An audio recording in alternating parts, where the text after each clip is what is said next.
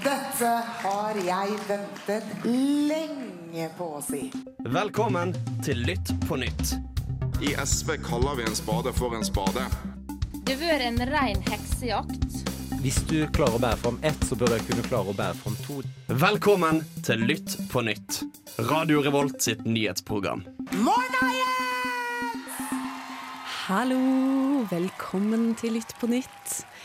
I dag så skal vi gå gjennom litt av hvert. Vi skal prate om Bolivia-saken, altså presidenten og valget som har vært der i høst. Vi skal snakke om litt av utviklingen i IS-saken. Vi skal snakke litt om oppdrettsnæringen. Veldig gøy.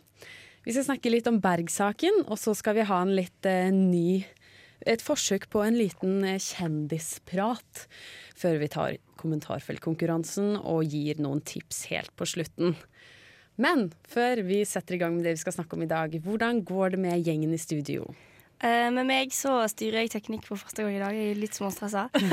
Bortsett ifra det så er jeg òg generelt litt småstressa i livet. Fordi eh, det er ikke så lenge til jeg har eksamen, og jeg har to eksamener på kjempekort tid. Liksom under ei uke så har jeg to eksamener. Så da eh, ja, Generelt høye skuldre på meg. Ja, Det er jo også grunnen til at vi er én mindre i dag. Ja, jeg har en beskjed fra Guro. For Ja. Guro, mangler, Guro mangler i studio i dag. Um, og da har jeg fått beskjed Kan du si på sending at jeg til slutt endte opp med å bli så stresset at jeg ikke rakk sending. Utviklingen de siste ukene har vært voldsom. Og det er jo ganske gøy hvis vi tenker over at uh, for to uker siden vel, så sa jeg Åh, Guro, meg og deg har sykt masse å gjøre på studiet. Og Guro bare Nei, hva er det du har å gjøre? Jeg har jo ingenting. Og nå kicker det inn. Hva var det jeg sa? Jeg elsker å si 'hva var det jeg sa'?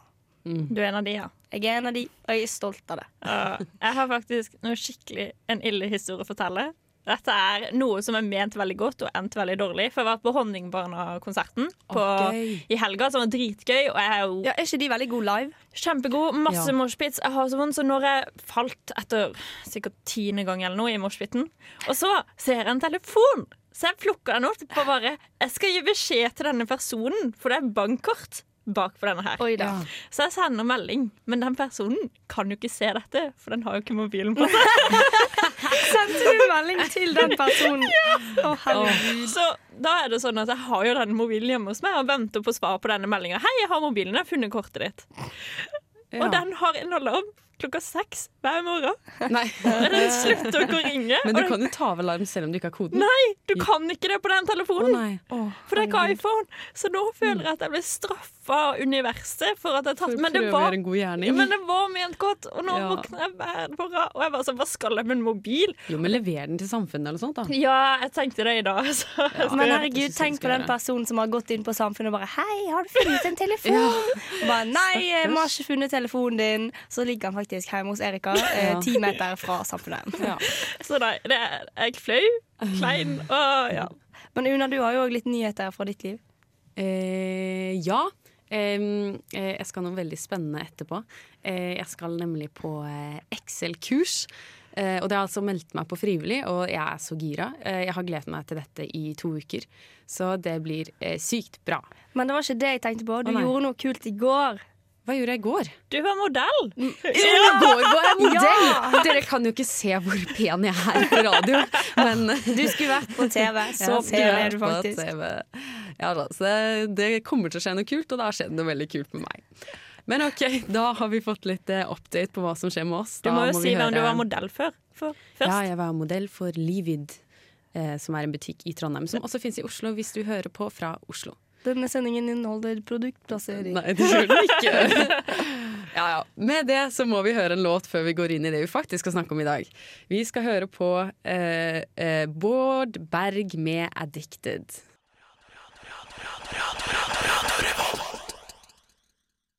I Bolivia har det skjedd store endringer på kort tid. Presidenten i Bolivia gikk av søndag kveld. Årsaken bak dette er at valgobservatører fant uregelmessigheter ved valget som skjedde i oktober. Begrunnelsen til valgobservatørene var at stemmetellingen av valget ble pausa i et døgn uten noe begrunnelse for dette her. Dermed ble Morales anklaget for valgfusk, og mange krevde at han skulle gå av. Blant annet eh, en av de som krevde at han skulle gå av, var Williams Caliman, som var forsvarssjef i Bolivia, som trakk støtten sin til Morales. Mens natt til mandag så tvitra Morales Morales at politiet ble pålagt å arrestere ham.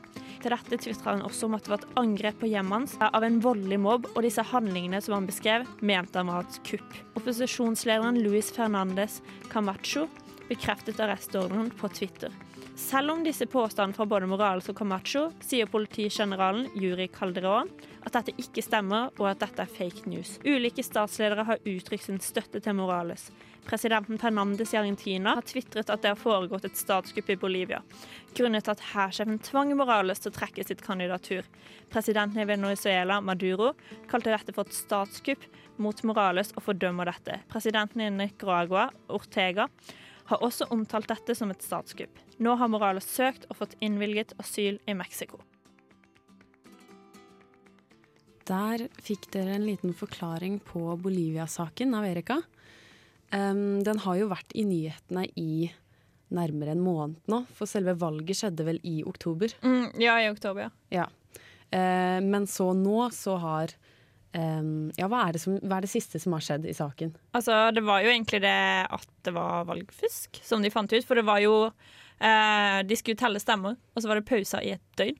Mm. Uh, og Det det er er, veldig merkelig. det er veldig rart. Sånn, tenk at det skal være valget i Norge. Og så, plutselig bare Nei, nå tar vi et døgn der vi ikke teller stemmer. det er å få vite det om et døgn. Og det er, det er ikke bare en pause der de stemmene som skulle ha vært telt i den perioden, har bare forsvunnet da, på en eller annen måte. Nei, altså, Eller- de ble telt opp, men Ja, okay. hvordan skal man vite at det er de ak faktiske stemmene, Det, da? mye kan jo skje Ja, man vet ikke hva som har skjedd Mm. på det døgnet. Ja. Mm. Altså, Se for deg at uh, det tar et døgn. Da tenker du ok, nå er det noe som har skjedd med de stemmene. Hvordan skal du være sikker på det? Ja. Eh, så det er egentlig det, og nå er det jo helt kaos her. For det er, du får høre for sykt mye forskjellig. Så noen sier det er et statskupp, andre sier at bare dette er forventa. Folk feirer i gatene, folk klikker i gatene. Altså det er så mye forskjellig. Mm. Men hva, hva, hvilke sider er det folk er på? Hva er på en måte de to motstridene? Er det, var det valgfusk, var det ikke valgfusk? Ja, og så okay. er det jo sånn at han har gjort veldig mye bra da i, under hans eh, regjering, da. Ja, for hvem er på en måte Evo Morales? Altså, hva, hva har han gjort? Han har jo bidratt ekstremt mye til fattigdom. Han har bedra liksom, de sosiale og økonomiske forskjellene, som er ganske store i Sør-Amerika. Og dette var jo et demokratisk valg, sånn sett. Men eh, om det er legitimt, er jo en annen ting, da. Men han var egentlig en veldig god person. Han var en flink president, da.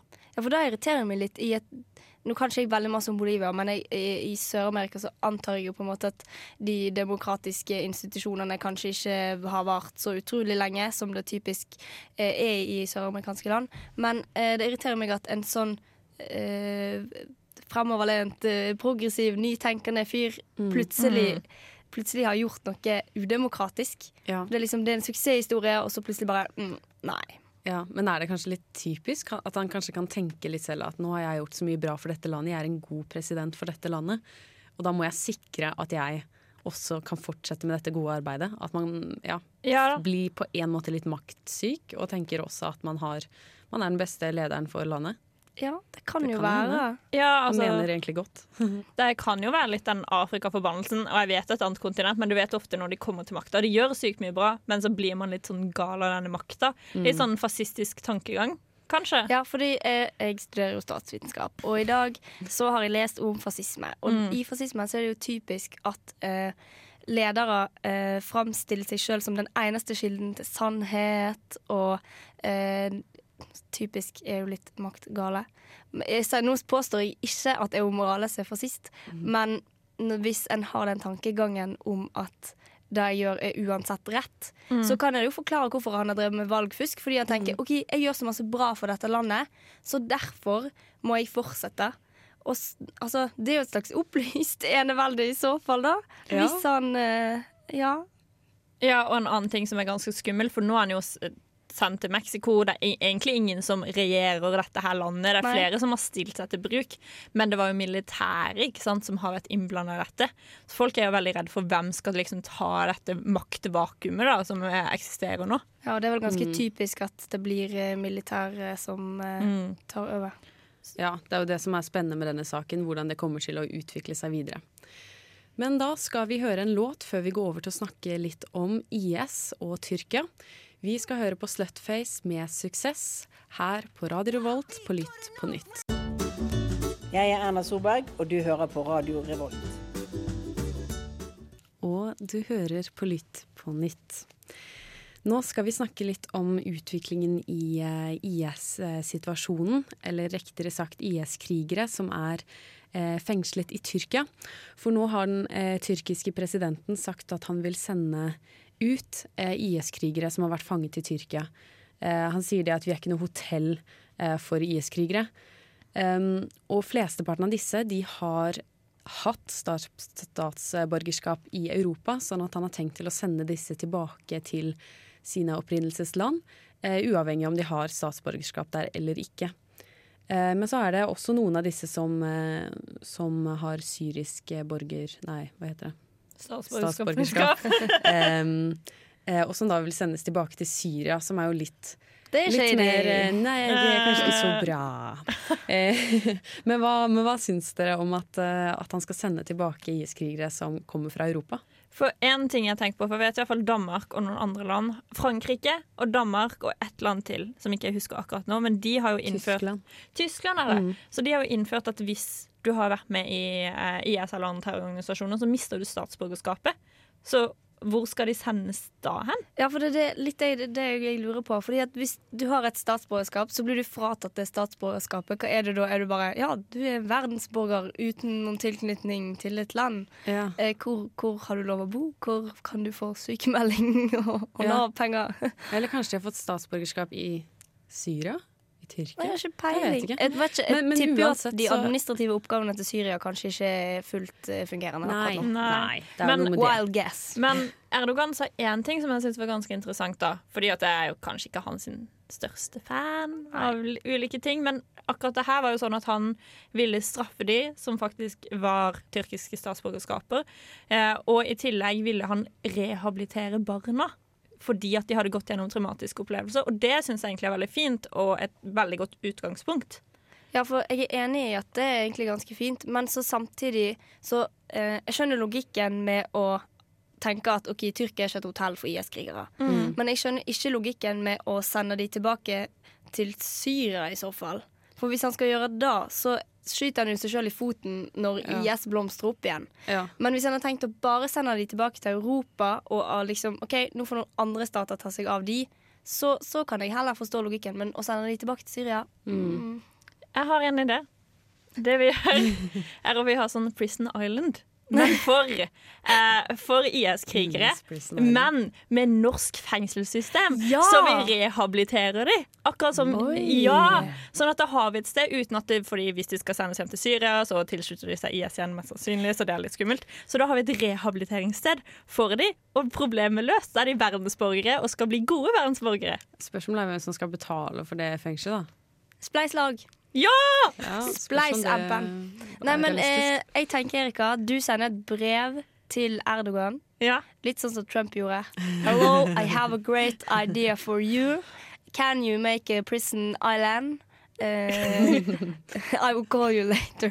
Sincerely Erica Cummings. Ja. Oh, yeah. og, og hvis ikke det funker, så sender jeg brev til julenissen. Ja, Ja, god idé. Vi eh, konkluderer med det, og så hører vi en låt. Vi skal høre på Tøyen Holdning med Vito her på Radio Revolt.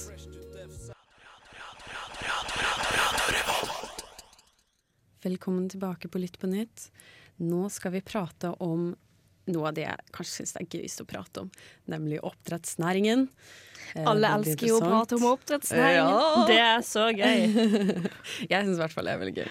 Eh, fordi nå har eh, noe som heter Havbruksskatteutvalget um, det, eh, De har eh, sagt at de syns at, eh, at havbruksnæringen, eller da først og fremst oppdrettsnæringen, skal betale mer skatt.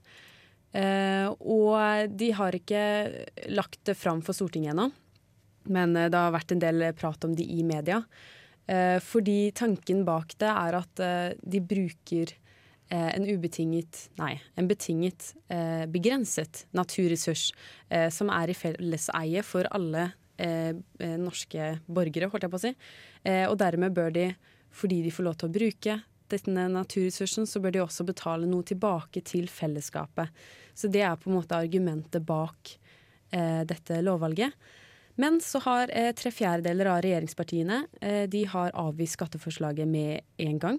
Um, og først og fremst fordi at de er redd for at eh, oppdrettsnæringen heller skal eh, investere i utlandet framfor å drive i Norge, fordi at det vil da bli skatter på eh, oppdrettsnæringen. Eh, men så er det eksperter igjen som sier at dette ikke kommer til å bli noe problem, osv. Så, videre. eh, så dette syns jeg er veldig interessant. Hva syns dere?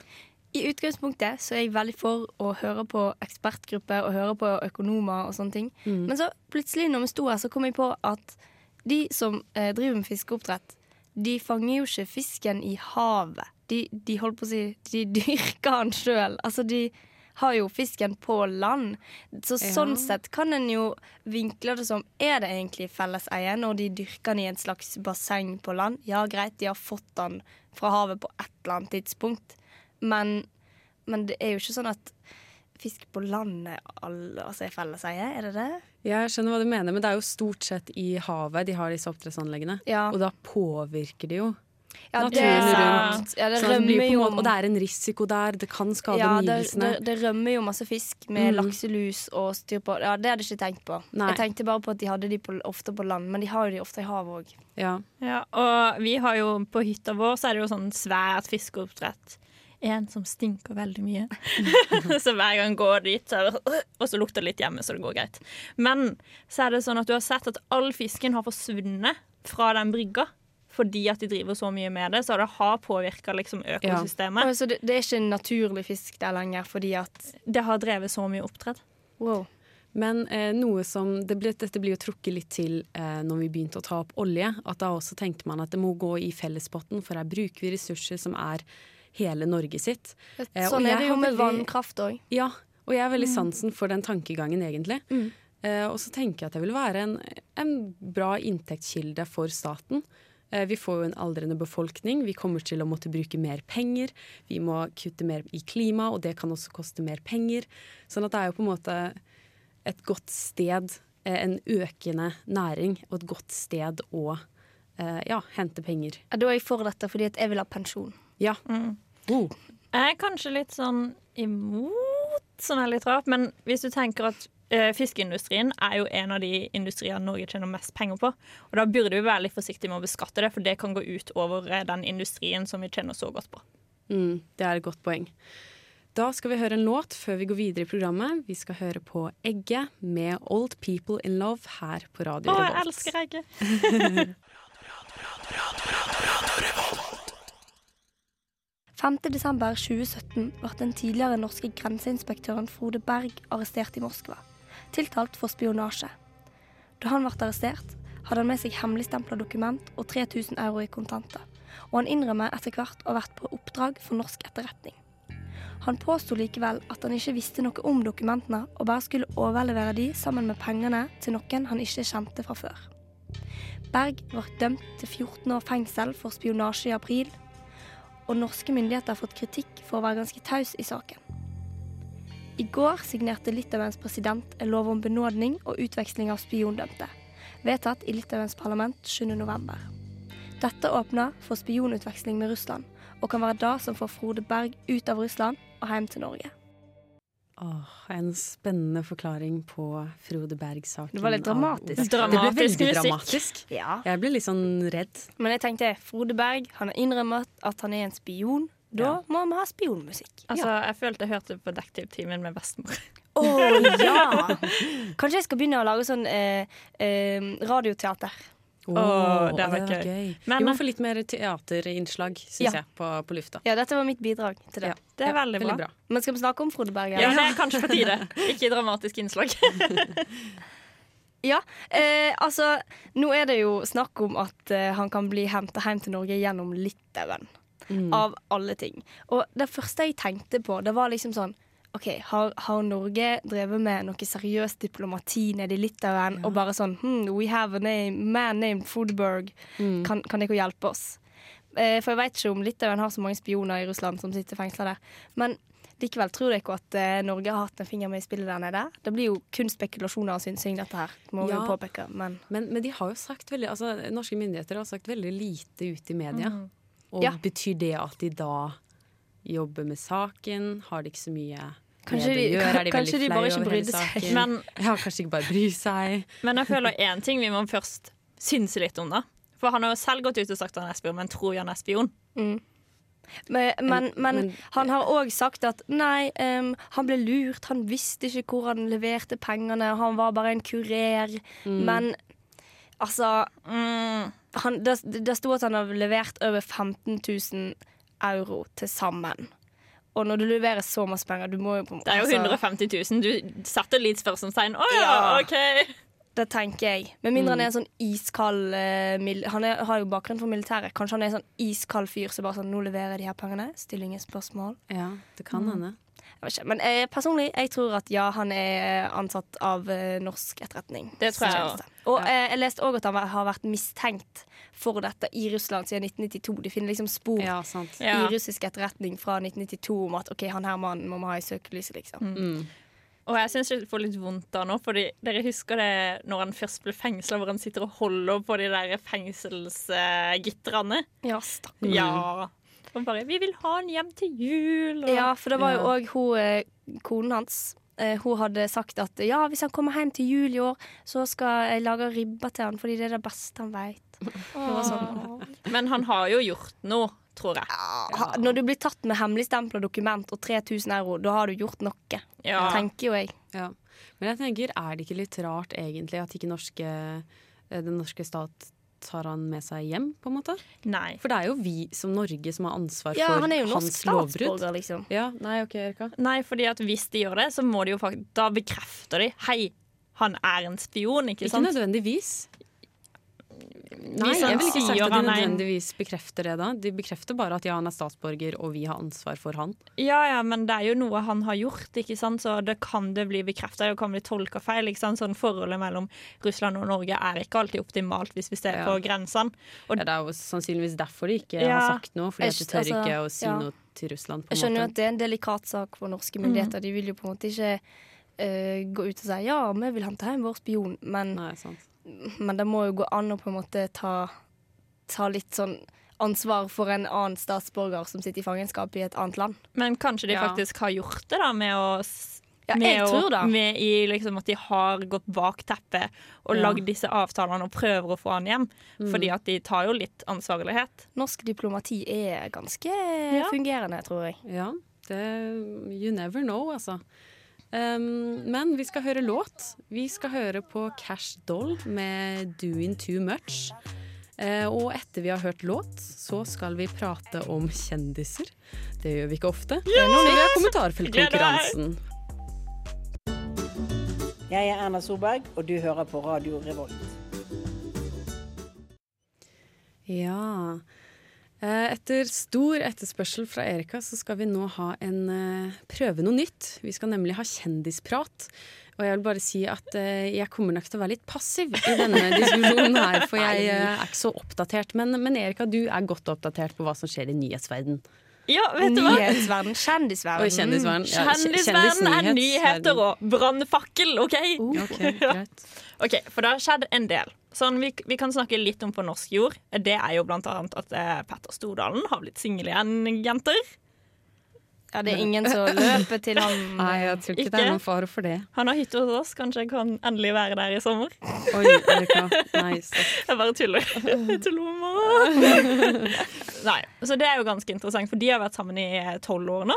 Elleve-tolv år. Eh, så det Gjennom tykt og tynt. gjennom tykt og greier. tynt. Og de har jo skrevet bøkene. Han skrev blant annet at han aldri ville holde henne nede. da. Så nå eh, Ja, det er jo fint. Ja.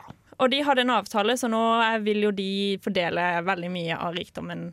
Eh, 50% omtrent. Så det er ganske interessant. Men så er det andre ting som har skjedd, som jeg syns er Jeg blir litt flau at jeg snakker om dette på radio. Jeg blir også litt flau at vi snakker om Nei, dette, men kjør på. Ok, Så det er Kylie Jenner. Og hun har jo slått opp med kjæresten sin, som hun har barn med. Shit. Wow, Wow, fortsatt, wow. Ja, fordi eh, kjære, Hva var det kjæresten hette nå igjen? Det var jo Taiga? Ta Nei, Taiga var var den gamle. igjen. Fader, hva heter han? For det er ikke Asef Rocky, men det er Ah, han, han, han.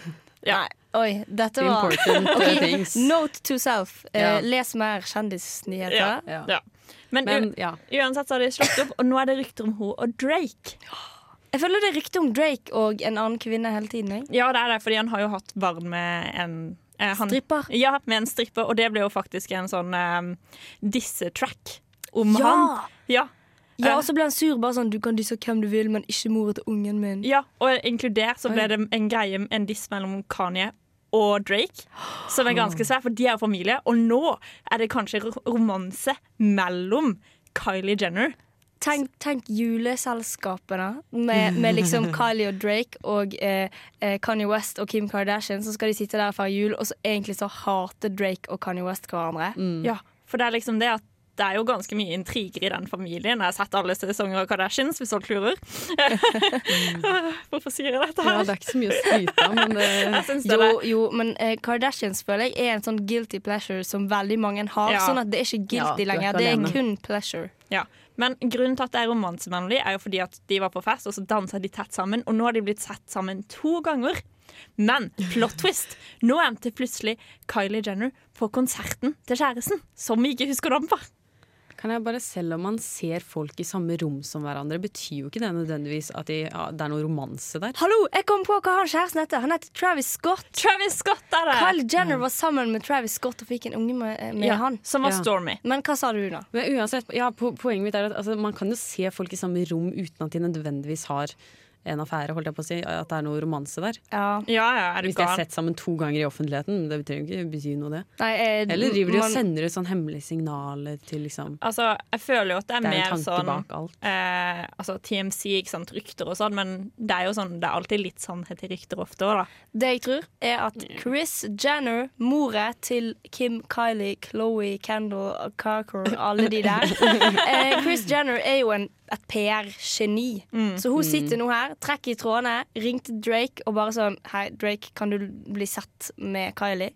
Ja. Fordi hun har nettopp slått opp med en fyr, men hun må være en sterk kvinne og gå videre. Mm. Så da så har eh, eh, Chris Jenner da orkestrert hele dette. Mm. Og sitter nå og eh, får masse penger inn fordi at folk klikker inn på Instagram-profilen til eh, Kylie fordi at de vil se etter Drake-spor. Ja. Ja. En liten konspirasjonsteori på slutten der Som vi om tror på. kjendiser. Jeg òg Ja, tror på. ja, det kan godt hende. Eh, Da skal vi høre på Kefeider med 'Reveal the Method'. Eh, Før vi går videre på kommentarfeltkonkurransen, for så å mm, være ferdig med sendingen. Dette får du her på Radio Revolt. Kan ingenting, vet ingenting. Skam deg! Bryr seg ikke om folk i det hele tatt. Bare Nå må du ta deg en svær konspirasjonsbolle Fy her. faen, her er det klassisk vannmelon. Grønn utenpå, rød inni. Og stråmennene dine kan du ta med deg bak loven. Nå er det duket for kommentarfeltkonkurransen. Det stemmer, og i dag så er det Oda som har forberedt én sak. Flere saker.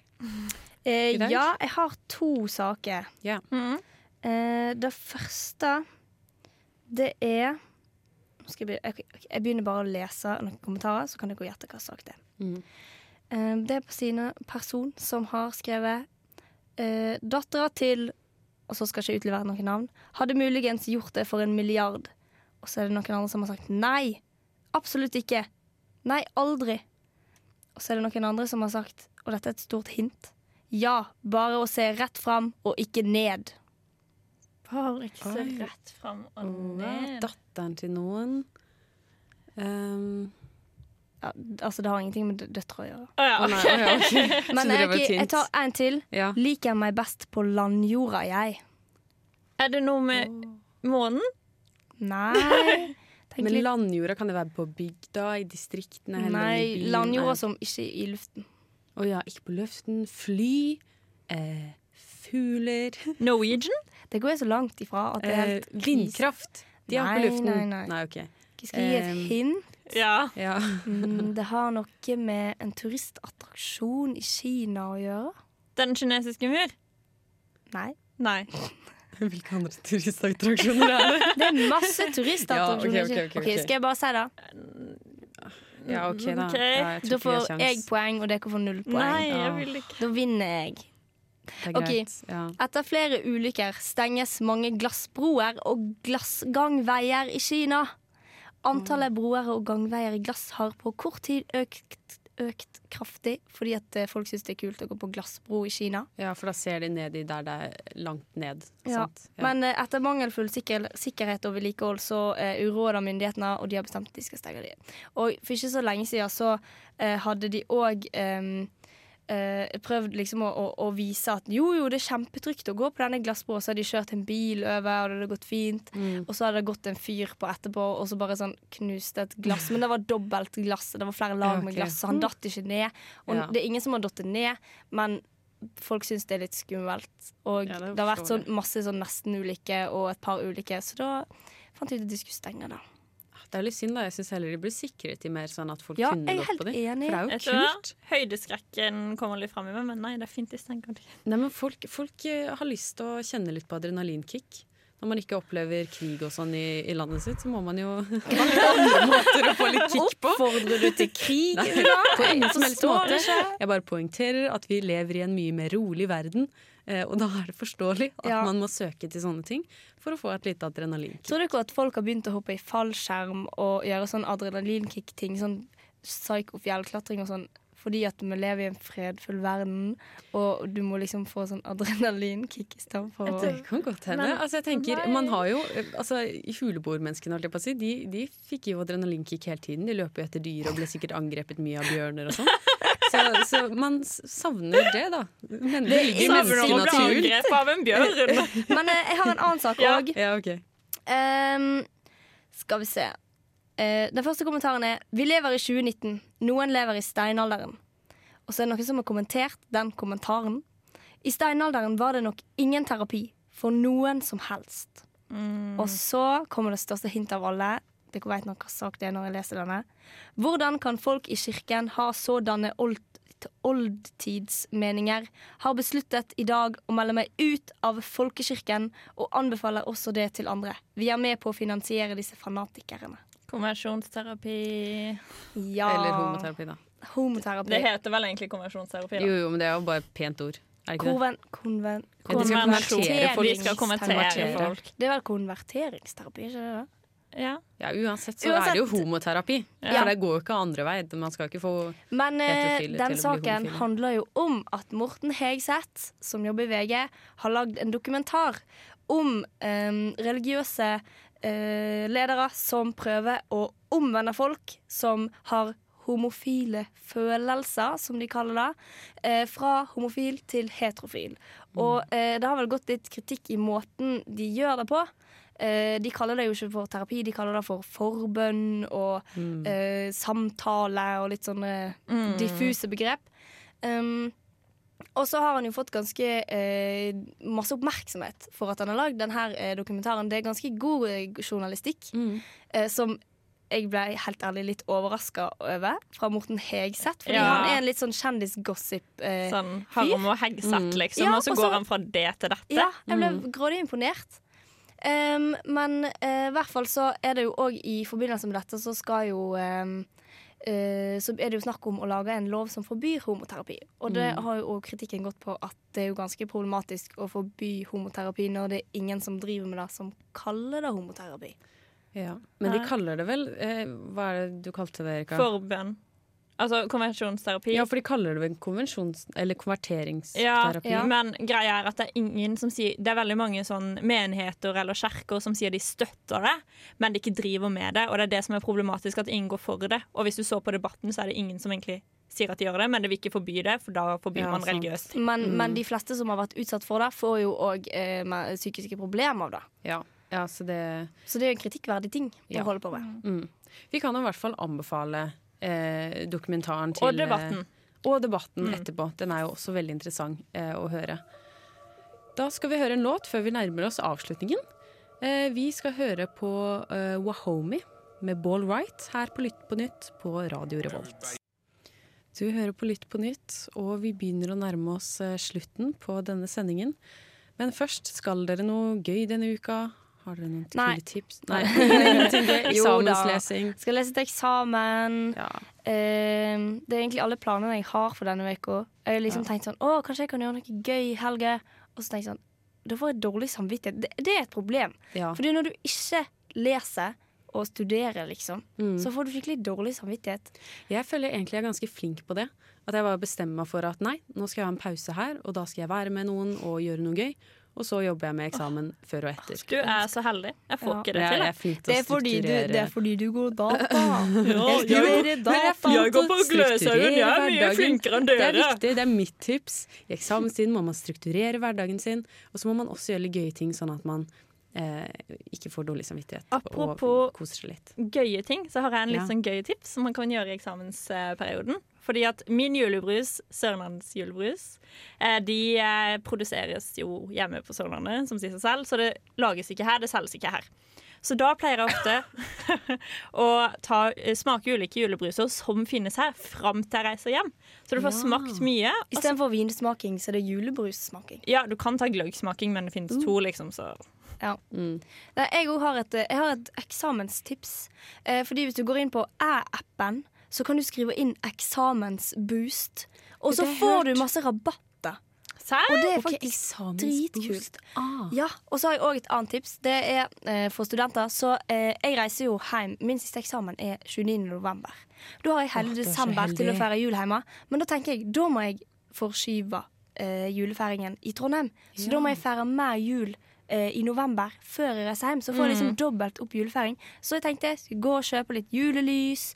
Gå og kjøpe litt sånn julepynt. Lage det litt koselig. Ja. Og liksom feire litt jul her før jeg reiser hjem, og få Mm. sånn enda mer julefeiring. Ja, og det gjør det litt bedre med eksamenslesingen også. At man kan på en måte slappe litt av og kose seg litt, eh, i tillegg til å øve til eksamen. Da eh, nærmer vi oss avslutningen. Vi skal høre låt før vi går av. vi skal høre på 1975 med 'Frail State of Mind' her på Lytt på nytt på Radio Revolt. Tusen takk for at du hørte på. Det var veldig hyggelig. Ha det bra. Ha det bra. Ha det bra.